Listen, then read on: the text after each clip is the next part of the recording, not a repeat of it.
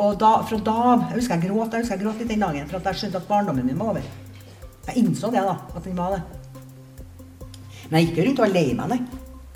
Jeg, Verken jeg eller søstera mi er sånn Vi er glad, vi. Og aksepterer at situasjonen er sånn som den er. Forfatter Anne B. Ragde har et nært forhold til mor si. Det skriver hun om i den nye boka 'Mutra og meg'. Hør henne i samtale med Finn Våga fra Kapittelfestivalen 2023. I tillegg til det som ble sagt, så skal vi kanskje bare legge til at Anne er jo kjent for historier som både beveger, opprører, engasjerer, underholder og utfordrer. Og for sin, sine skarpe observasjoner og dype forståelse for at vi er alle sammen, er vi blandingsmennesker. Vi er sterke, svake, gode, onde. Vi ler, vi gråter.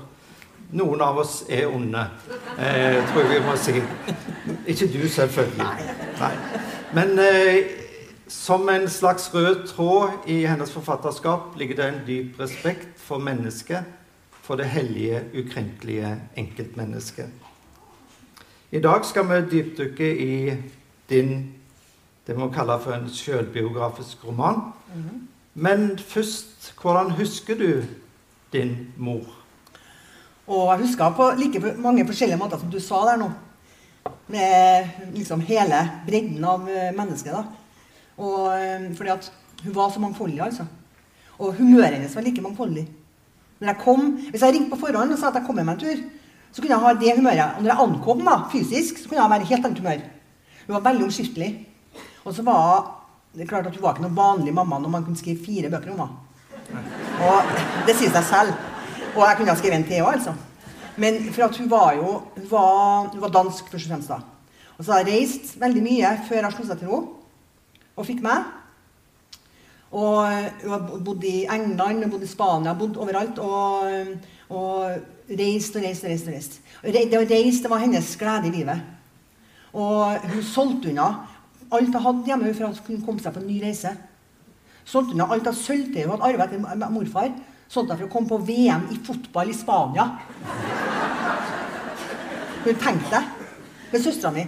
Sånn at hun var ikke hun, Hvis du putta hun inn i en bås, så snudde deg for å ordne en kaffekopp, og så snudde jeg tilbake igjen, så sa hun en helt annen bås. Det var vel ganske uvanlig å reise så mye på den tida hun var ung. Hva var det hun reiste fra, og hva var det hun reiste til? Nei, Hun reiste jo fra mora si, da. For at mora hennes var helt håpløs. Mot, mot mamma, da. Det har jeg skrevet om i Arsenikktårnet. Når vi dro til København for å, å feire mormors død. Jeg var jo veldig glad i mormor, så jeg var jo lei meg. Trodde jeg skulle i begravelse. Mamma og broren hennes de dansa på gatene. altså. De var ellevill av lykke for at hun var død. Og jeg var helt knust. For at meg behandla på en helt annen måte enn jeg behandla mamma og broren. Så, så hun, hun, var jo, hun var jo narsissist, da, mora. Mor, mormor var jo narsissist. Glødende narsissist. Så det var, det, hun hadde jo litt arv da. Så hun, hun, hun, hun reiste for å komme vekk fra mora si. Reiste på en to års lang haiketur med ei dame hun traff i England. Og så jobba i England. Og som kokk Enda hun visste ingenting. Hun visste ikke hvordan hun kokte kokt egg. For hun ble kasta på dør av mormor hjemme. For at mormor skulle være alene på kjøkkenet. Så mamma visste ingenting. Og hun løy, da, løy på seg at hun kunne lage mat, da, for hun ikke kokk. kokkejobben. da. Og visste ikke, visste ikke opp ned på noen, noen ting. Så eh, mamma var veldig tøff, sånn som jeg og søstera mi er. Vi, det er litt sånn litt det maskuline altså, på måten å gjøre det. Hvis du spør, blir spurt om kan du gjøre den og den jobben, kan du ansette deg til den, den jobben, så tenker man at ja, det går jeg med på, for det lærer jeg meg sikkert innen da. Mens kvinnfolk tenker nei, jeg kan ikke gjøre sånt, jeg kan ikke, jeg vet ikke hvordan man gjør sånt. Nei, nei, nei, beklager, jeg kan ikke ta den jobben. Mens jeg og Emma vi tenker ja, ja, det vet jeg ingenting om, men det finner jeg vel ut etter hvert. Så, og, sånn, det har vi lært etter mamma, av mamma, altså. Hun bare ga seg i kast med ting, hun. Og så fikk, så forsto hun det etter hvert sånn. Og derfor det gjorde at hun havna aldri i noe sånn A4 A4-liv, da. Hvordan vil du beskrive oppveksten din? Ja, ganske krøbel, hvis dere skjønner det. Um, veldig fattig. Veldig fattig var vi. Mamma og pappa ble skilt da jeg var åtte år. Og det var ingen som var skilt da. Jeg er født i 57. Det var én i klassen, ei jente i klassen som var skilt fra før av. Og, og vi visste ikke, vi brukte ikke ordet skilt engang. Altså, vi bare hviska om at jeg hadde ikke noen pappa. da. Pappaen bodde ikke der. Men hun måtte jeg bli fort med å bli venninne med da, når mamma og pappa ble skilt. For jeg må ta noen, han måtte ha noen på min side. da. Og vi hadde aldri sett hverandre omtrent. Men da forta jeg meg å bli venninne med henne. da. Men, eh, for at det var helt sært å skilt, å ha skilte foreldre. altså. Og så fikk vi veldig dårlig økonomi. Mamma gikk opp på sosialtrygd. Heter det det. Fattigmannstrygd. da. Hvor man måtte hente pengene fysisk hver tirsdag. Måtte ha dra til byen med lillesøstera mi og stå i en sånn videreveltrapp sammen med alkoholikere. Som jeg sa da. Det var bare alkoholikere, og så var det hun. Hun sto i vintertrapp og venta på å få pengene da, for ei uke. Og så ble det gjort om på at det skulle komme postanvisning i postkassen etter en tid. da. Og så hadde de lagt det i feil postkasse. Så det kom ut da, at vi gikk på sosialtrygd. Det ble offentlig. Så han som fikk den der, han, han eh, og la den tilbake på våres. Han pleide å si noen passers mamma uten, utenfor blokka, sånn, så pleide han å si da Jaha, der var inntekta mi. Så sånn var det. Hvor gammel var du når du ble klar over at det var fattigdom hos dere? Nei, det var vi klar over alle sammen. Alle vennene mine, sånn at vi var fattige. Så det var ikke noe Jeg ble ikke stempla av vennene mine av den grunn. Men eh, vi hadde liksom Mamma hadde to, barn, to dagbarn. Nei, tre dagbarn hadde hun. Og så hadde vi en leilighet på 72 kvadrat med to soverom. Begge soverommene var leid ut som hybler. Og så hadde jeg tre dagbarn. Ikke med tøybleier, nei. Med, med, jo, med tøybleier, ja. Ikke med papirbleier. To av dem brukte bleier. Så alltid bleiebøtte på kjøkkenet. Alltid. Og så gjorde vi lekser på stua, og så på stua. Og sånn var det til oss. Men vi hadde ikke noen møbler eller noe sånt. Vi Hadde ikke teppe på gulvet eller noe sånt. Hadde ikke råd til det. Pappa hadde tatt med seg halvparten. Når du tenker tilbake på den oppveksten, eh, er det glede? Er det, er Det er helt nøytralt. Det er ikke noe glede eller noe sorg eller noe. Fordi at uh, unger er sånn at de, den, den virkeligheten et barn har, det er den virkeligheten som skal være. Sånn skal det være, liksom. Så um, jeg var ikke noe lei meg eller noe Ikke å tenke på at å, vi er så fattige og Jeg måtte bare ta mine forholdsregler. Sånn, jeg, sånn på den måten at jeg ble venninne med hun jenta veldig fort. For nå var mamma og pappa skilt, da må jeg fort meg bli venninne med hun Astrid. Sånn at jeg bare gjorde det som var viktig å gjøre. da. Og så, Jeg husker at jeg gråt noen ganger. Jeg gråt når jeg skjønte at jeg måtte ta, ta over økonomien hjemme. da var jeg ni år, tror jeg. For da mamma hadde bare vært og handla masse loff og, og italiensk salat og sånn. Og vi hadde, regninger som da skulle betales. Og da visste jeg hvor regningene lå hen, og så tok jeg over ansvaret for dem. Og sa at nå må vi Nei, du kan ikke bruke noe mer nå. Gå i lommeboka igjen. Og så tok jeg unna, så gikk jeg betalt på posten, da. Så, um, og da, fra da av Jeg husker jeg gråt jeg husker jeg gråt litt den dagen, for at jeg skjønte at barndommen min var over. Jeg innså det, da. At den var det. Men jeg gikk ikke rundt og var lei meg, nei. Verken jeg eller søstera mi er sånn. Vi er glad, vi. Og aksepterer at situasjonen er sånn som den er. Men du gjorde jo opprør, og du har sjøl beskrevet at du var ganske krevende i en eh, viss alder. Ja, Eh, Hva gjorde du opprør mot? Nei, det var det vanlige tenåringsopprøret. Det er hormonene som fyker rundt kroppen. Og nå til dags, vet du, nå, nå, er jo, nå har de funnet ut at tre av ti er deprimert i tenårene. Slår det stort opp på nyhetene. Og ja, selvfølgelig er det det. Når du er hormonstyrt.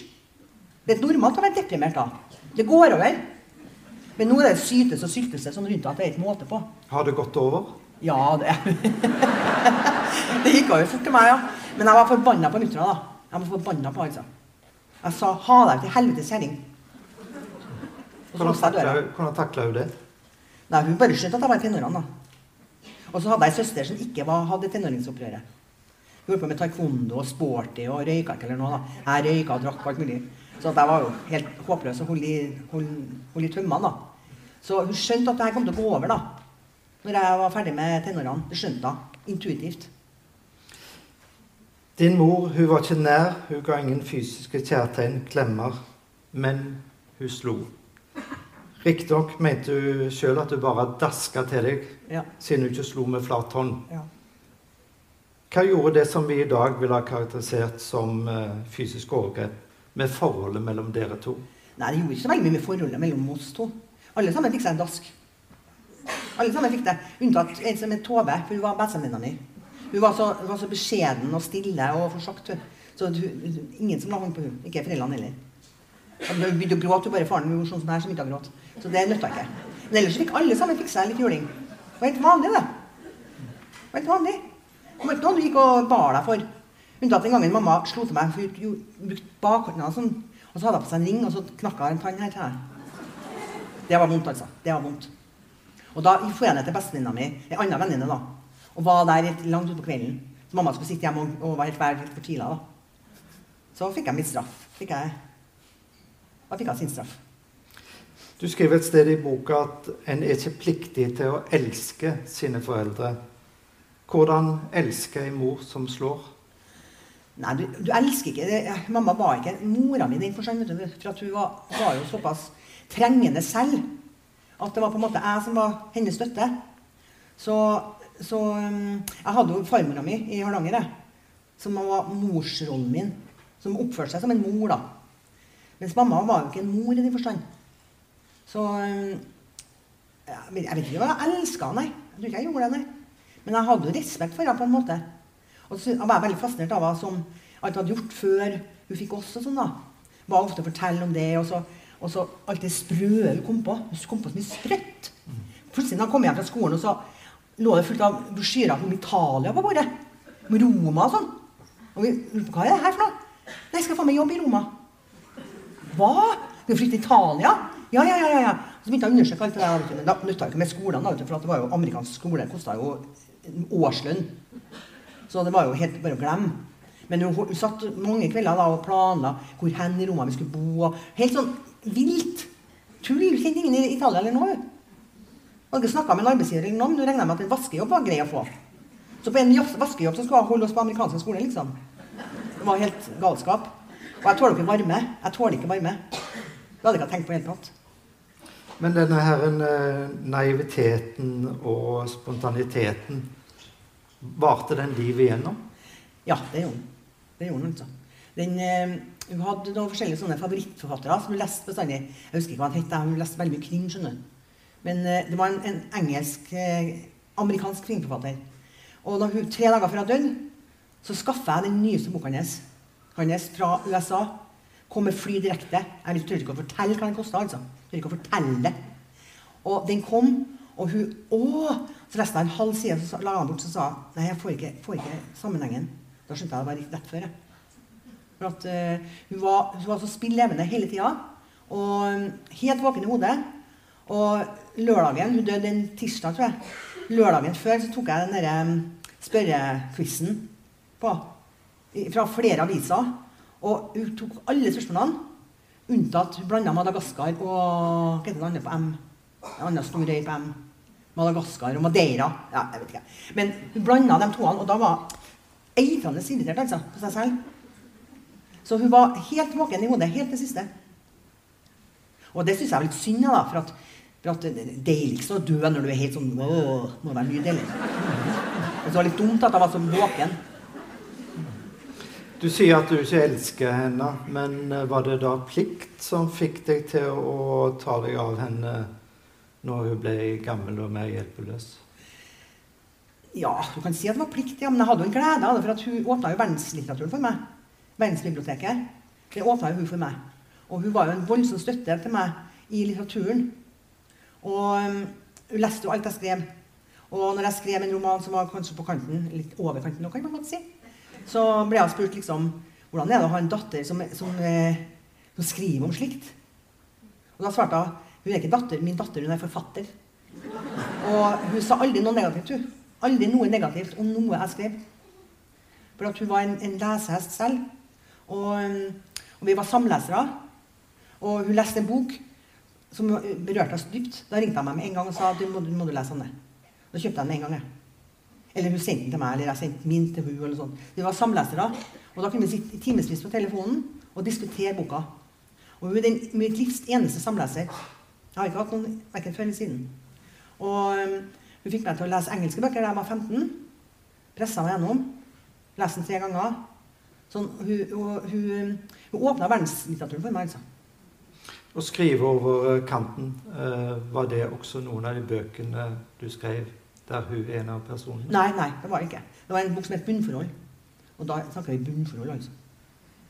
Og den, for den var veldig viktig for meg å skrive, for det var akkurat, det var akkurat i det samme internettet kom. Alle sammen fikk internett hjemme. Og så ble det første debatten rundt internett, det var porno. At folk fikk tilgang på porno. Og fikk folk som hadde sittet alene liksom, i skogen og, og trodde at de hadde tenkt på gummistøvler. Liksom, trodde de var den eneste på kloden som gjorde det. De følte plutselig et helt verdenssamfunn med folk som også tenkte på gummistøvler. Liksom. Så det, så det første som kom opp i forbindelse med at folk fikk internett hjemme, det var pornodebatten. Og da skjønte jeg at her må jeg skrive med en gang. Det gjorde jeg også. Og den ble ganske hovet, da, den boka. Mamma leste på strak arm. På strak arm. Ler ikke på et øyelokk. Det syntes jeg var imponerende. altså. Sønnen min var 15 år, han, og alle på skolen hadde lest den. han sa heller ingenting til meg. Så, sånn sett har jeg vært berika med en familie som aldri, aldri følt, meg, følt meg tvunget inn i noe. At jeg skulle skrive sånn eller sånn. eller sånn. Aldri, aldri tenkt på Farmora mi fikk et sjokk en gang. Jeg husker ikke hvilken bok det var, altså, men jo, hun gikk ikke ut av døra på 14 dager. Men uh, det brydde ikke jeg meg noe om. Jeg. Jeg ringte henne og sa nå må du ta deg sammen, jeg er forfatter. For da var jeg blitt sånn oppildna av mamma. Og sånn da. Og så gjorde jeg det, da. Men, men jeg har aldri følt meg begrensa av noen familie altså, på hva jeg skal skrive og ikke skrive. Og det er det mange forfattere som føler. Og det er mange som går og tenker at jeg har en bok jeg skal ha skrevet. Og det har blitt en virkelig forbanna bra bok. Men jeg tør ikke. Jeg må gi den ut under pseudonym, da, og så får de sikkert vite at det er meg. Og, og sånn, så det, og det går ikke an å tenke sånn hvis du skal skrive. Du må være helt fri i hodet. Og det hjalp mamma meg til å være, altså. Hvordan reagerte du på dine karakteristikker av henne både som uh, tykk, fattig og en som bare levde i nuet? Nei, 'En tiger for en engel', den første boka jeg skrev, da uh, trodde jeg ikke det var hun. Alle venninnene hennes vet du, kom og spurte meg liksom, hva sier mora di da? Hva sier mora di når hun leser den. Mamma tror ikke det, hvis jeg. Mamma tror ikke det hun. For du snakker trøndersk i boka, skjønner du. Og ikke dansk. Og det var nok til at mamma tenkte at det her er ikke meg, nei. Hun, hun var ganske kjapp til å Så jeg sa litt til henne at det var deg, at jeg skrev om meg sjøl også. Så hun gikk og trodde på det. At dette var en oppdikta person. Så, men i Arsenikktårnet, da, da skjønte jeg at det var hun. Og da sa hun til meg at ingen må få vite til meg. Ingen må få vite til meg. Fordi at den starter med at, at mormor dør. Og da jubla hun jubler så lykkelig. Og det er, jeg følte jeg var veldig tabubelagt. da, Å juble så til de grader når mora dør. Satte seg på verandaen med rødvin og feira, liksom. Og, og, så var vi i, i, der, i, midten av Oslo, foran Grand og sånn. Det var, var altså festival der. Og så satt jeg på scenen sammen med Anne Grosvold. Og så sa Anne Grosvold starta hun med å si at ja, man forstår jo virkelig uh, hvorfor datteren er så glad når mora dør. Man leser videre og ser hvilken skjebne hun hadde. Og da, På den måten så ga mamma synsforlatelse fra scenen. Og det her var jo Boka hadde kommet ut kanskje en måned før. Arsenikktårnet hadde kommet en måned før. Og jeg hadde sagt i alle intervjuer at det her er ren fiksjon. Jeg hadde lovt mamma det, da. Ren fiksjon, sa jeg. Alt er tatt fra eh, fantasiens verden. Og så kom Anne Grosvold rundt, da. Og så reiste mamma seg og så sa det er jeg som er Ruby. Hun heter Ruby, da. Og jeg tenkte herregud, har jeg gått og sagt. at og da var det, da var det out in the open, liksom. Og fra da så måtte jeg gjøre en ny intervjurunde og si at det er helt sant. alt det der. Alt er sant. Så for at eh, Ja, sånn gikk det, da. Din mor jubla når hennes mor døde. Hvordan reagerte du når din mor døde? Nei, Det var et sånt vas at det var Jeg var jo der, jeg reiste frem og tilbake til Oslo i tre måneder. Og var bare hjemme en sånn snartur for å ta inn regninga og, og vaske klær og sånn. Um, så um, jeg reagerte ikke. Det var bare helt ut av det ville. Det var helt, helt vill i perioden. Og søstera mi holdt på å forberede rettssaken mot Breivik. For hun var, hun var, ansvarlig, ansvarlig, for, hun for regjeringskvartalet. Og skulle være to dager i retten mot Breivik. Og så frem og tilbake på det. Så var hun ansvarlig for de pårørende etter dem som døde i regjeringskvartalet. Og jeg reiste frem og tilbake. Mamma var syk, og de, hun hadde, fikk så elendig behandling. Elendig behandling og på Furuset sykehjem. Og ja, Det var helt vanvittig. Jeg skrev om det i en, en, teppe tusen farmer. den er, Nå høres det ut som det er begredelighetshistorie, altså, men det er det også. Men det er også veldig mye humor i den boka. For jeg og mamma vi hadde sånn humor helt til det siste. vi altså. Og mamma visste at jeg skulle skrive om det her. Mens hun levde siste tida, liksom. Så visste hun at jeg kom til å skrive om det her. Så hun sa da må du få med at, jeg hater Jens Stoltenberg. Hater Arbeiderpartiet. Og jeg sa jeg kan ha med det, vet du, men jeg fikk det med likevel, da. men eh, ja, for det måtte, måtte, måtte jeg virkelig få med, altså. Og Nei, det var så mye, det var så mye styr. Eventyr. De døde kan jo ikke ta igjen. Eh, de kan ikke henge det ut i Se og Hør. Ja. De kan ikke legge ut verbale miner i din bekjentskapskrets. Hvordan sørge for at portrettet av de er sannferdig? Prøver du å ta hensyn? Og la litteraturen vinne? Jeg lar virkeligheten vinne mest, jeg. For at virkeligheten er så psykedelisk at du, du tror ikke det er sant. vet du. For at Hva man skal skrive om i litteratur så Hvis man skriver en helt syk historie, da, så sier en redaktør nei, sånn som jeg kan ikke skrive, for at det der skjer ikke. Se hva som har skjedd med Erna og Sindre. sant? Hvis jeg hadde sagt det for 14 dager siden, så ville ingen ha trodd meg. Ingen på kloden ville ha trodd meg. Og så skjer det. Så det er helt psykedelisk, det som skjer. Sånn at litteraturen er én ting, men å beskrive virkeligheten er en annen. Altså. Og det, det, er det sykeste ting som skjer i virkeligheten. Og det, det, det, det, virkeligheten det skjer ting, altså. Så selv Anne B. Ragde klarer ikke å Overgå dikte overgå Ja, hvis jeg virkelig hadde lagt meg fore, så skulle jeg ha fått til det, men Men, eh, men sånn som Berlinerpoplene, de seks bøkene der, det er jo diktning. Men det skjer ikke noe som er sykelig, helt sånn sykt inni der. Gjør ikke det. Men det, det, det du sa i starten der, med enkeltmennesket, liksom Jeg elsker å skrive om, om det vanlige mennesket. For at hvert enkelt menneske hvert enkelt menneske i salen her har mange romaner å fortelle om. Så det er vanlige folk sin roman nå, for å sitere Støre. Ja, det er det. jeg siterer ikke han så mye, da, men, eh, men, eh, men, det vanlige mennesket er det største mennesket, altså. Og forfattere i dag, de har sånne Alle forlagene har sånne leiligheter her og der. Unesia, Berlin og sånn. Reiser unge, unge debutanter reiser dit og skal bli inspirert av Berlin og, og skrive og sånn. Jeg kan sitte meg og sette meg på en benk i parken der, og se på folk der. Og tenke alt mulig om dem. Og tenk på hva du gjorde, hva gjorde du for tre år siden. Hva var du for tre år siden? Hva tenkte du om deg selv for tre år siden? Hvor skal du nå? Hvem kjenner du? Og da har jeg, jeg har romaner overalt, det. Av vanlige mennesker. Og jeg vil like å skrive om dem så vanlig som mulig. De må være så vanlige som mulig, altså. Og jeg husker når Berlinpoplene kom ut, den nummer én, da, så var jeg på Rockefeller i Oslo. Og så satt jeg, så jeg litt, de satt i salen, så jeg det var ei ung jente som satt der. Med liksom bitte liten veske, sånn idiot, idiotliten. Tenkte jeg Hun var sikkert med mora si på hver side. eller sånt. det hadde blitt mast på meg at mora si, da. Men det hadde jeg ikke. Hun kom bort til meg etterpå og sa det. Jeg tenker slik på Tor, jeg. Den kunne tenkt på en grisebonde fra Byneset på 52 år. Jeg tenker på Tor, jeg. Hvordan han har det og sånn. Det var, nummer, var bok nummer én, nemlig, så han levde. Og da skjønte jeg at det, det er ikke Du kan ikke ha noen identifikasjon gjennom kjønnet, ikke gjennom alderen, ikke gjennom jobben. Det må være måten jeg beskriver den på som gjør at han har åpna seg for mennesket. da. Og det var en veldig skjellsettende opplevelse for meg. altså. Er alle mennesker en roman? Ja, det er med det, altså. Jeg er med det. Alle mennesker har sine drømmer. Tenk deg, alle mennesker som sitter her nå. I kveld skal de legge seg, skru av lyset og ligge og tenke litt. Annet. Tenk deg alle forskjellige tankene de tenker. Hva som de opplevde opplevd i dag. og Det er sikkert mange ganger som vil tenke på meg da, legge opp i dag. For at jeg sa det her nå, da. Men gjør det, altså. Og så gjør jeg sånn til dere. Men, men tenk på alle de, tenk alle, de, alle de, menneskene som ligger i mørket og tenker. Våkner på natta og tenker. Og, og det er masse tanker, altså. Jeg tenker ofte på det jeg, når jeg legger meg. Jeg har gjort det i mange år. Ja, men det var koselig å gjøre, da. Hva er den, eh, bortsett fra den åpenbare, den store forskjellen å skrive om noen som lever, og noen som er borte? Det er ikke så stor forskjell på meg. For at jeg skriver ganske åpent og fritt om dem uansett. det. Og så gir jeg den ut, og så sitter jeg og heller igjen ørene og venter på kjeften som skal komme. For at jeg skriver om levende og døde. Og jeg jeg mista redselen for å skrive om levende, altså. Mista helt redselen for det. Fordi at jeg, jeg, føler at jeg ser dem også. At jeg respekterer dem.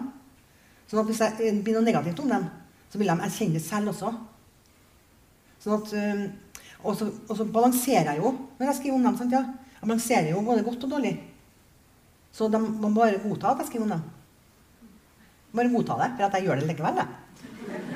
Har du fått mange sterke reaksjoner fra folk som, eh, du har, som kjenner seg igjen? Nei, men det er ingen som kjenner seg direkte igjen, for jeg blander og mikser. Men sånn at, du kan si det sånn at hvis det hvis noen som kjenner seg igjen, så er det bare dem selv som gjør det. For da kjenner de seg igjen kanskje med en egenskap i en mannlig figur. Så tenker de oi, det har jeg lært av meg. Det har jeg hørt av meg at jeg har sagt. Og så er det en mann som sier det. sant? Så vet de at ingen andre kommer til å skjønne at det er meg. Skjønner du? Mm. Jeg pakker det bort. Men jeg bruker det, ja. Jeg bruker alt. Alt opplever, bruker jeg. Derfor, så, derfor har jeg aldri fått- til å slappe av ordentlig, for at jeg, jeg sitter og følger med overalt. Så sånn sett burde vi hatt litt mer lys i salen. Ja, veldig, ja. Forstår du din mor bedre? Kommer du nærmere henne gjennom å skrive om henne? Jeg kommer aldri til å forstå mamma. Eller muttra, som jeg kaller henne. Jeg kommer aldri til å forstå altså. For hun var jo Eva pleier å si at hun var på tolvårsstadiet. Og det har jeg, jeg har sagt 14 år, ja, men eh, Eva mener at jeg er på tolvårsstadiet, da. For at uh, hun var ikke utvik, ferdig utvikla. For hun hadde en narsissist som mor. Og så ble hun anklaga for å ha drept eh, broren sin da hun var liten også. Så hun hadde ikke hatt på en lue. Hun hadde gått med den vogna. Alt det der står om i. Så hun fikk jo den anklagen mot seg, og da var hun lita jente. Så uh, hun har hatt et veldig, hadde et veldig tøft liv, altså. Og eh, med skilsmisse og alt, da. Sånn at jeg får, På ene sida føler jeg veldig sånn ømhet for henne. Jeg tenker på stakkars, stakkars mamma. Hadde det så tøft. På den andre siden tenker jeg mamma var ganske heldig, da, hadde meg og Eva. Og Eva og jeg vi er veldig like. Vi er usannsynlig ulike på mange områder. Eva er sånn sånn på Hvis Eva ser et fjell, så tenker hun 'der må jeg opp'. Jeg går rundt, jeg. Og Eva går på kryss og tvers på ski liksom, i Grønland og Svalbard og alt mulig sånn. Jeg kjører snøscooter. Men, og jeg har ting som et strek, mens jeg er ikke det. Men vi er veldig like i, i lynnet vårt. Veldig like i lynnet. Og vi er veldig positive. Mamma var veldig negativ. Vi er ekstremt positive. Veldig, veldig positive. På egen, egen, egne skjebner òg. Og jeg går ikke og henger meg opp i at jeg har hatt slag for fire år siden. Jeg har brukket ryggen har jeg gjort, og jeg har skrevet ferdig en annen bok og bløder mavesår. Jeg begynner ikke å, jeg googler ikke engang. Jeg googla hjerneslag engang. Jeg. Jeg googler ikke det gjelder meg sjøl, nemlig. Hvis jeg hadde hørt at du hadde hatt hjerneslag, så hadde jeg Oi, hva er det for noe? Jeg googla med en gang. Men jeg googler ikke når det gjelder meg selv. For jeg vil ikke vite noe om, for da er jeg ferdig med det. Skjønner du? Mm. Jeg er positiv. Innstilling. Men det er ikke positiv når jeg skriver, nei. Når jeg skriver, så er jeg ikke positiv. Da jeg, jeg he- bruker jeg hele blokka. Men går det an å både være en nådeløst ærlig forfatter og samtidig opprettholde et veldig godt forhold til sin nærmeste familie? Hvis det er den en skriver I, gang. I perioder så er det litt vanskeligere, da. Da må man bare vite at la tida gå. La tida gå. Kommer snart i pocket, og så går det over. Sånn gjør jeg. Lar tida gå. Og tida gjør veldig mye for eh, minner og reaksjoner, altså. Veldig mye. Tid som går, altså. Når du skriver om din mor, er det ting du sjøl husker, eller er det ting du er blitt fortalt? Det er alltid ting jeg selv husker. Eller blitt fortalt av mamma, da. Mamma fortalte meg jo at hun hadde, skulle vise at hun var som god forelder da hun var liten, i Odda. At hadde daska meg opp da, for at på kinnene da jeg var to, to år eller sånt. Og hadde grått så veldig. Og da hadde jeg blitt sett ned på da, de andre mødrene. Det skjønner jeg veldig godt. da, når bank opp en, Ikke bank opp, da, men klaske opp en toåring. Og det var jeg så overraska over, da, for at hun trodde det var sånn hva være mor. da. Men det har jeg fått høre av hun, altså. Og når hun fortalte meg sånne ærlige ting, så trodde jeg på det òg. For det har sagt lang tid før jeg forteller det der. Så gråt jeg selv mens og sånn. Fortalte og sånn. Så det trodde jeg på. Hun døde jo for noen år siden. Når og hva får deg til å tenke på henne nå? Jeg tenker på veldig ofte når jeg leser bøker. Det er gode bøker. Jeg leser hele tida. Um, hele tida. Og da tenker jeg ofte på mamma når jeg leser. tenker jeg, Det her hadde hun likt, altså. Og det her hadde hun elska å lese om. Så det er liksom gjennom litteraturen jeg kommer henne nærme. Og, og når, jeg, når jeg skriver også selv, så, um, så kommer jeg veldig nærme når jeg skriver. For når jeg sitter og skriver, så forsvinner tida rundt meg. Og, og så har det gått tre timer, og så er jeg, jeg er helt inni det. Jeg må gå tilbake igjen da, og se hva har jeg skrevet om nå, egentlig. Og så leser jeg nedover, og så kommer jeg på mamma Det der ja, mamma sa at jeg skulle stryke, eller Det er for mye, og det er for tynt gjennomarbeida. Så da kommer jeg på. Så det, i litteraturen så er jeg veldig levende for meg, altså. Og det forsvinner ikke fra heller. Forsvinner ikke. Selv om jeg dør, så forsvinner ikke det.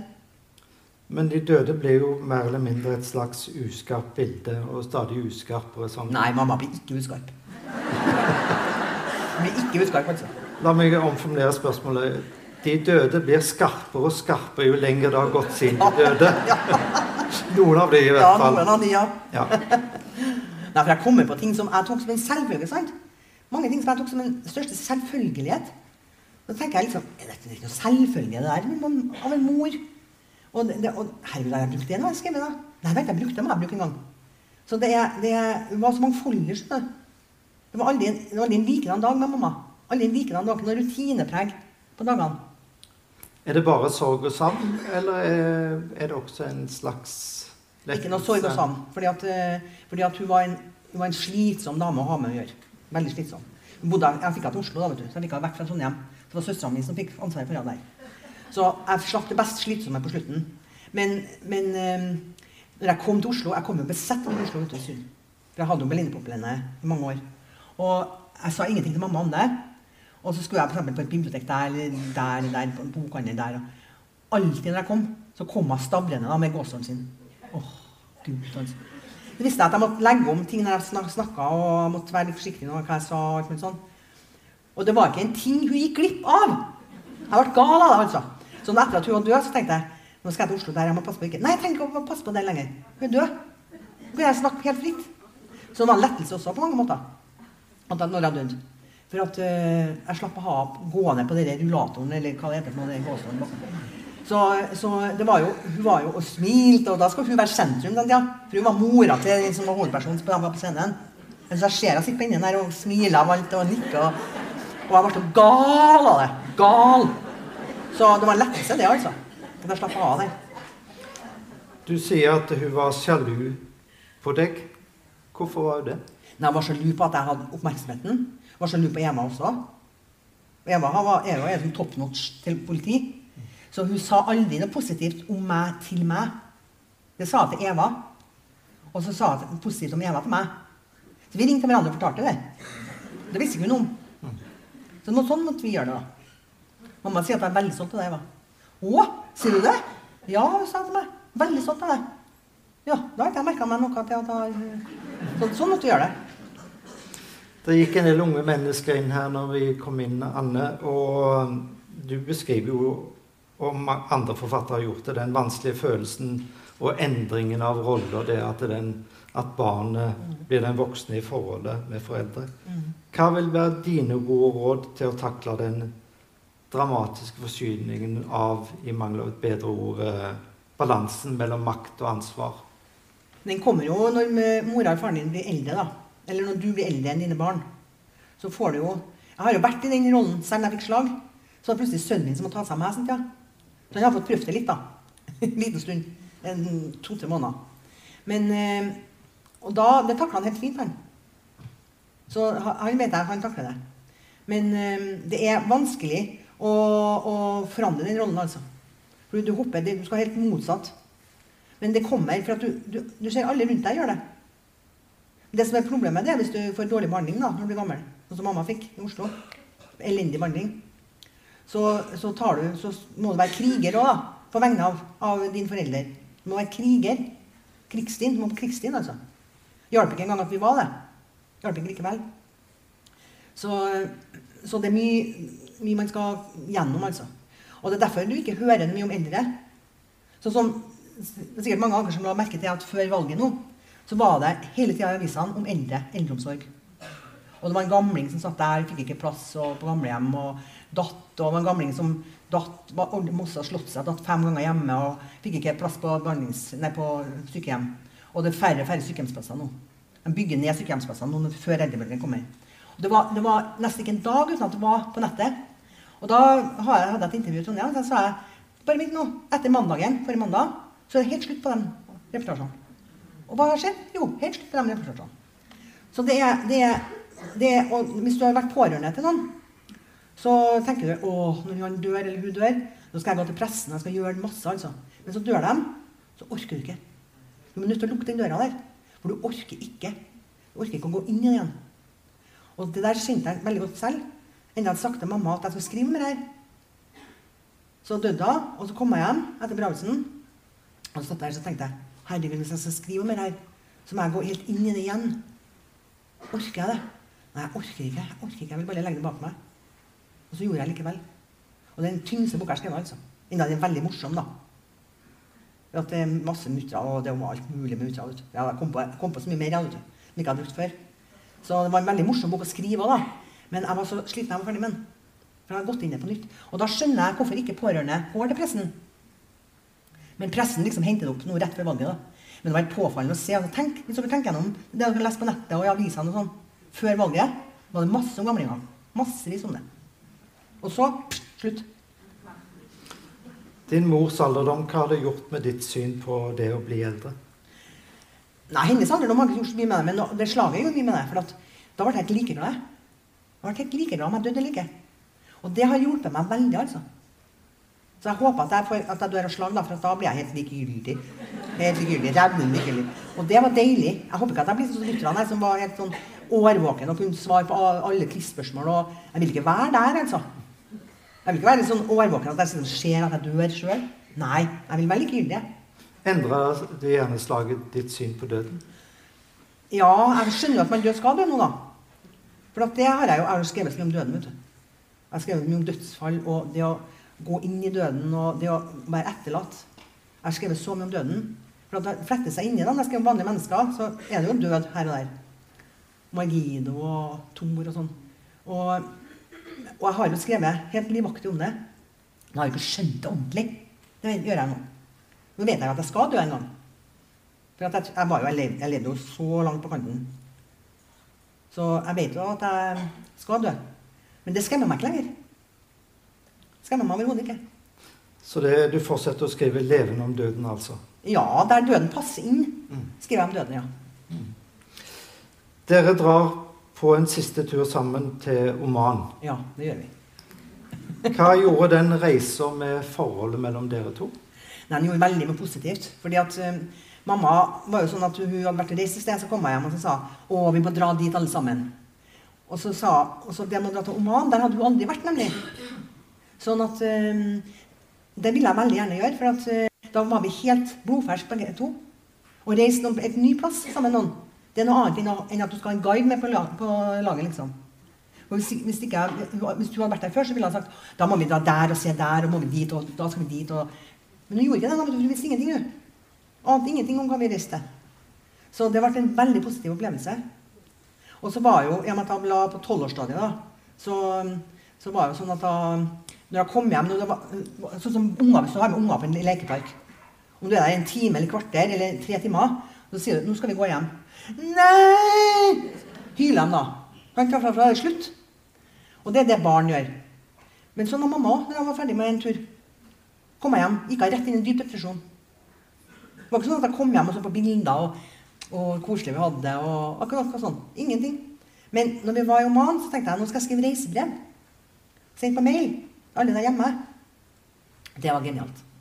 For da slapp hun å fortelle, og, og de visste alt om hvordan hvordan hun hadde hatt det. Og, og, så hun bare fløyt, og lang tid var hun på sånn reise etter at jeg kom hjem. Unntatt i stå på Stovner-senteret, da, der som alle gamlingene bodde. Fjerde etasjen. De hadde jo ikke mail. Mamma hadde mail, selvfølgelig. Så da måtte jeg ha, hadde jeg sånn nede i stua, da, fellesstua om kveldene. da. Så jeg leste opp fra reisebrevene, og de lo så de trilla stolene ute og, og spurte og glav. Og da, da hadde jeg kveld på kveld på kveld der med de reisebrevene. Så det var, det var en hit. Innertier. Hvorfor har vi så vanskelig av og til for å elske hverandre for den vi er, og tilgi hverandre for den vi ikke er? Nei, si det, da. Det er jo mennesker, da. Det er noe, det, vi kan tilgi en, en dag, så tilgir vi ikke neste. Det, jeg er ganske god på å tilgi, altså. Jeg skjønner liksom hvor det kommer fra. Men øhm, Og det, jeg har sånn Jeg har en tro på mennesket. Og det gjør at når jeg tror på folk, så, så blir de anstendige også. Sånn som Før jeg hadde en hund, så var jeg veldig redd for at å, å sette inn hunden. Så knytta han aldri fast utenfor butikker. Var redd han som kom og stjal den. Og, um, eller alle hundene mine har hatt det med, da. Men det jeg prøvde å gjøre, da, jeg prøvde å gå bort til Så sto det noen tøffe ungdommer sånn. Jeg går bort og så sier jeg, kan, kan du holde hunden min hvis jeg stikker inn og handler i full fart? Ja, det kan vi gjøre. Ja, ja, ja. Hva het den, da? Så ble jeg helt forvandla. Gikk aldri bort til de tøffisene. De som så lett slo skuler og sånn. Det var dem, var dem som var ansvarlig. Og da jeg kom ut, så var de Her, ja, hun ble litt glad, fikk den, den, den. Så var de helt så forvandla. Har ikke hund akkurat nå, dessverre, men, men eh, sånn gjorde jeg det. Gikk bort til dem som så minst tiltroisk ut. Og um, aldri funka for meg, det. Du beskriver jo eh, i flere bøkene dine at det kan være litt krevende å elske en mor. Eh, og vi skulle jo snakke om alt mulig her og være åpne om alt. Eh, tre ekteskap kan noe være vanskelig å elske en forfatter. Ja. Veldig vanskelig. Men, men det, er, det er ikke jeg, det er jeg som har gått fra alle tre, skjønner. Jeg som har gått frem. Fordi at jeg man orker ikke å ha dårlig samvittighet lenger. Sånn at jeg skilte meg fra dårlig samvittighet. Og jeg, når jeg har vært skilt siste gang, det er for 15 år siden. På 15 år har ikke jeg hatt dårlig samvittighet. Jeg har ikke hatt dårlig samvittighet i 15 år. jeg. Men hva med kjærligheten de siste 15 årene? Å, jeg har masse kjærlighet. masse kjærlighet. Men jeg vil ikke ha på månen til meg. Jeg vil ikke ha noe forhold, sånn fast forhold. Og jeg har masse venner. masse venner. Og familien min. To barnebarn. Men jeg vil aldri være gift med. Aldri i mitt liv. Aldri i mitt liv vil jeg være gift. Og dårlig samvittighet hele tida når jeg er forfatter. For at det var sånn at eh, når jeg hadde skriveperiode, da, så er det to-tre måneder der på slutten der hvor du går, du går helt i hi. Og da handla jeg Fjordland i hele kjøleskapet var smekkfullt av Fjordland. Og jeg la frem gaver til den som hadde bursdag mens jeg var i nærmeste månedene. Og var til tannlegen og klippet håret. Og, eller måtte tannlegen komme og klippet håret. Og um, skulle ordne opp, da. Og når jeg var ferdig å skrive og kom hjem, så, så trodde jeg at det var Oi, nå er jeg ferdig, ja. Da var jeg med, gjort om til meg, meg sjøl igjen med en gang. Det var ikke sånn, vet du, for jeg gikk jo og sørga over det at jeg ikke skulle skrive noe lenger. Og gikk jo mange uker før jeg var meg selv igjen. Så da lærte jeg meg å lyve og si at jeg er ikke ferdig ennå. Og, så, og sånn var det når jeg var ute og reiste òg. Ute og reiste på turné og sånn. Kom jeg hjem, så var det tvert inn i hverdagen igjen. liksom. Tvert. Ned på vaskerommet og tvert inn i hverdagen. Det var mange ganger hvor jeg kom hjem til Trondheim og la meg på et hotell i Trondheim for å få en natts hvile. Og nå kan du legge deg inn på det, Ja, det beskjedne Britannia. ja det kan jeg. Jeg har der i helg òg. Vi fant ut at vi måtte bo der i helg. For at hun, jeg har et barnevern på fem, nettopp blir fem år, da. Hun kaller det for Slottet. Slottet. Og vi er der hver 17. mai. Og hun, er, hun, er, hun har vært der nå, nå tre år første gangen. Og da sitter hun helt andektig, da. Og nei, det er så fantastisk for Britannia. vet du. Så vi måtte ligge der i helg, da. Så vi vet hva vi snakker om. Og så har de eh, veldig gode madrasser der og alt, så det Nei, Britannia er jo så stolt av alle i Trondheim at Og en skuddsikker suite helt på toppen hvis det skulle bli for Ja. alvorlige og dårlige kritikker til deg. Ja. Godt å tenke på det. Ja. Hva vil du at bøkene dine skal gi leseren? Gjenkjennelse. Gjenkjennelse. For at selv om jeg skriver om grisebonde fra begynnelsen, eller om jeg skriver om muttera meg, så er jeg helt sikker på at du kjenner deg igjen i masse som står der. Helt sikker. Så om vi er i oman, så kjenner du deg igjen. Ikke i oman, men du kjenner deg igjen på reaksjonene og alt mulig sånn. Så da, jeg, jeg, jeg tror jeg er ganske typisk menneske, da. Så når jeg skriver om det menneskelige, så tror jeg man kjenner seg igjen. Faktisk. Hvis du skulle gi et råd hvis det er noen som sitter her og tenker at nå skal jeg skrive om mitt liv, en eh, fantastisk roman. Nobelprisen vinker i det fjerne. Nei, Nobelprisen. Hva er det viktigste rådet du vil gi for å bli en god forfatter? Det å ikke oppleve at teksten står mellom deg og fingrene. Det er litt vanskelig å forklare men når jeg skriver, så tenker jeg på at bokstavene står der.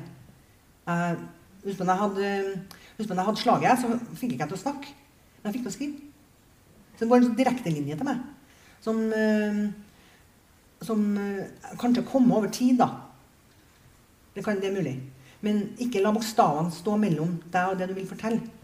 Bare fortell. Og så når jeg, for eksempel, når jeg begynner på en bok, så begynner jeg bare å skrive. Og plutselig så er jeg kommet til side 12. Midt på side 12 så kjenner jeg der begynner boka. Her begynner den. Så det er bare å skrive vei, og så plutselig så kjenner du at her er starten. For at uh, jeg jobba i reklamebransjen i mange år. Og når vi skulle skrive sånne korthugde tekster, Da, flere, når, vi var, når vi var sikre på at nå er teksten ferdig, helt sikre på at teksten er ferdig, strøk vi første setning og siste setning. Blir mye bedre bestandig. Og det er veldig nyttig å ha med seg sånn, sånn, sånn ballast på ryggen, altså. Mm. Vi har jo lovt hverandre Anne, meg at vi har ingen hemmeligheter for hverandre, så jeg skal dele en liten hemmelighet med deg, Anne. Ja. Det at jeg var dypt og inderlig og sterkt forelska i Margit Sandemo oh. i mange år. ja. Som er jo mest kjent, som dere vil huske, for romanserien 'Sagaen om isfolket'. Uh, jeg skal ikke utdype det, for det har vi ikke tid til, ser jeg. Um, og det er sikkert ikke noe interesse om å høre om det forholdet. Men hun fortalte meg en gang at hun var elendig til å skrive om sex. Ja. Du har jo skrevet erotiske noveller, og, men hva er du ikke flink til å skrive om? Nei, det kom ikke jeg på. Kanskje historie. Sånn, sånn, sånn, jeg leser lese en bok som har veldig mye sånn historikk og data og sånn, årstall og sånn. Jeg er veldig dårlig på årstall, nemlig. Og det tror jeg kunne jeg skrevet sånn historisk. Jeg skri- lese om uh, denne um, flukten med gullet. Når uh, Tyskland kom med, så frakta de gullet fra um, Oslo og av gårde til England. Og veldig dramatisk. Og da er det om hvem som kom, og han gikk det, og så kom dem inn, og så, så da, og da var datoen den, og datoen var 10. april, og så var det Og det hadde ikke fått til å skrive, altså. Men det er sånn saksfaktagreier, da. Men menneskelig sett, menneskelige følelser, mennesker imellom, det skal jeg klare å skrive om alt. Hvor viktig er god kritikk? Mindre og mindre viktig. Det viktige for meg det er å få tilbakemeldinger fra leseren. Fra leseren, altså. Folk som kommer bort på gata til meg og sier at 'jeg leste boka di nettopp, og den gjorde sånn inntrykk på meg'. Det er viktig. Fordi at kritikerne, de er så vet du at Jeg har hatt så mye, ja, så mye ville kritikere. altså. Jeg har fått spennvidde fra to til fem. Terningkast to og terningkast fem. Det har vært på, på debatten på radioen og sånn, har det vært liksom sånn at ene kritikeren møtte den andre kritikeren, og så har de barka sammen. Og jeg sitter og hører og tenker 'herregud'. Det er Makan. Og det, så det er, de har så forskjellige meninger om det. Sånn at um, Du kan ikke stole på en kritiker. Det er noen du kan stole på. Han i Dagens Næringsliv som har slutta nå. Han Bjørn Gabrielsen. Gabrielsen. Han har jeg stolt på. Og Guri Hjeltnes har jeg stolt på. Og jeg har vært på noen sammenkomster med Guri Hjeltnes. Jeg bare nikka til henne. Jeg vil ikke kjenne henne. Jeg kjenner. kjenne. Jeg vil ikke gå bort og ta takk for den fine anmeldelsen. Jeg vil, ikke ha, jeg vil ha et profesjonelt forhold til det. Og det har jeg hatt til Bjørn Gabrielsen også. Et helt, jeg unngår dem. For at det er de to kritikerne i Norge som jeg har hatt mest eh, Og så er det som er død nå, som jobber i Dagbladet Rott- Rottem eller noe. Bangsen, kanskje. Men, men, men hva er den fineste tilbakemeldingen du har fått som forfatter? Nei, det, det, det er nesten den unge jenta i Oslo, en heller. Hun kom bort til meg og sa at jeg tenkte sånn på Tor. Jeg tenker sånn på Tor, jeg. Det, det gjorde sånn inntrykk på meg, altså. En 14-årig jente Hun hadde lest om Tor Nesholm. Det var ingen, hadde ingenting til felles med. Ingenting til felles. Klart det gjorde inntrykk på meg. Ja, og så en annen gang det var Jeg var i Hardanger, og så var det det var ei som kom bort og hadde uh, uh, tenkt på Anna Nesholm. da. Hun var jo ikke akkurat så veldig positivt framstilt i bøkene. Um, og ei som kom bort og sa at hun forsto, forsto godt hvordan Anna hadde hatt det. Og da så jeg på henne med store øyne og tenkte herregud, lurer på hvor mange sønner du har. og hvordan... For det, var, det var også en veldig sånn, sånn skjellsett opplevelse. da. Men hun 14-årige jenta, altså, da, da skjønte jeg, jeg skjønte at du skal, når du skal skrive, så skal du ikke tenke på identifikasjon. For det er jo bare kvinnfolk som leser. Det er kanskje en annen mann her. Men det er stort sett kvinnfolk som leser bøker. Og da tenker man at de bare skriver om kvinnfolk. De bare skriver om kvinnfolk. For det er kvinnfolkene som leser. Men da gikk det opp for meg når hun jenta kom bort, at det, må må ikke tenke på i det hele tatt. For hun har identifikasjon med en grisebonde på 54 år. På Byneset. Og det, det fortalte meg så mye, altså. Jeg lærte så mye annet da hun kom bort til meg og sa det.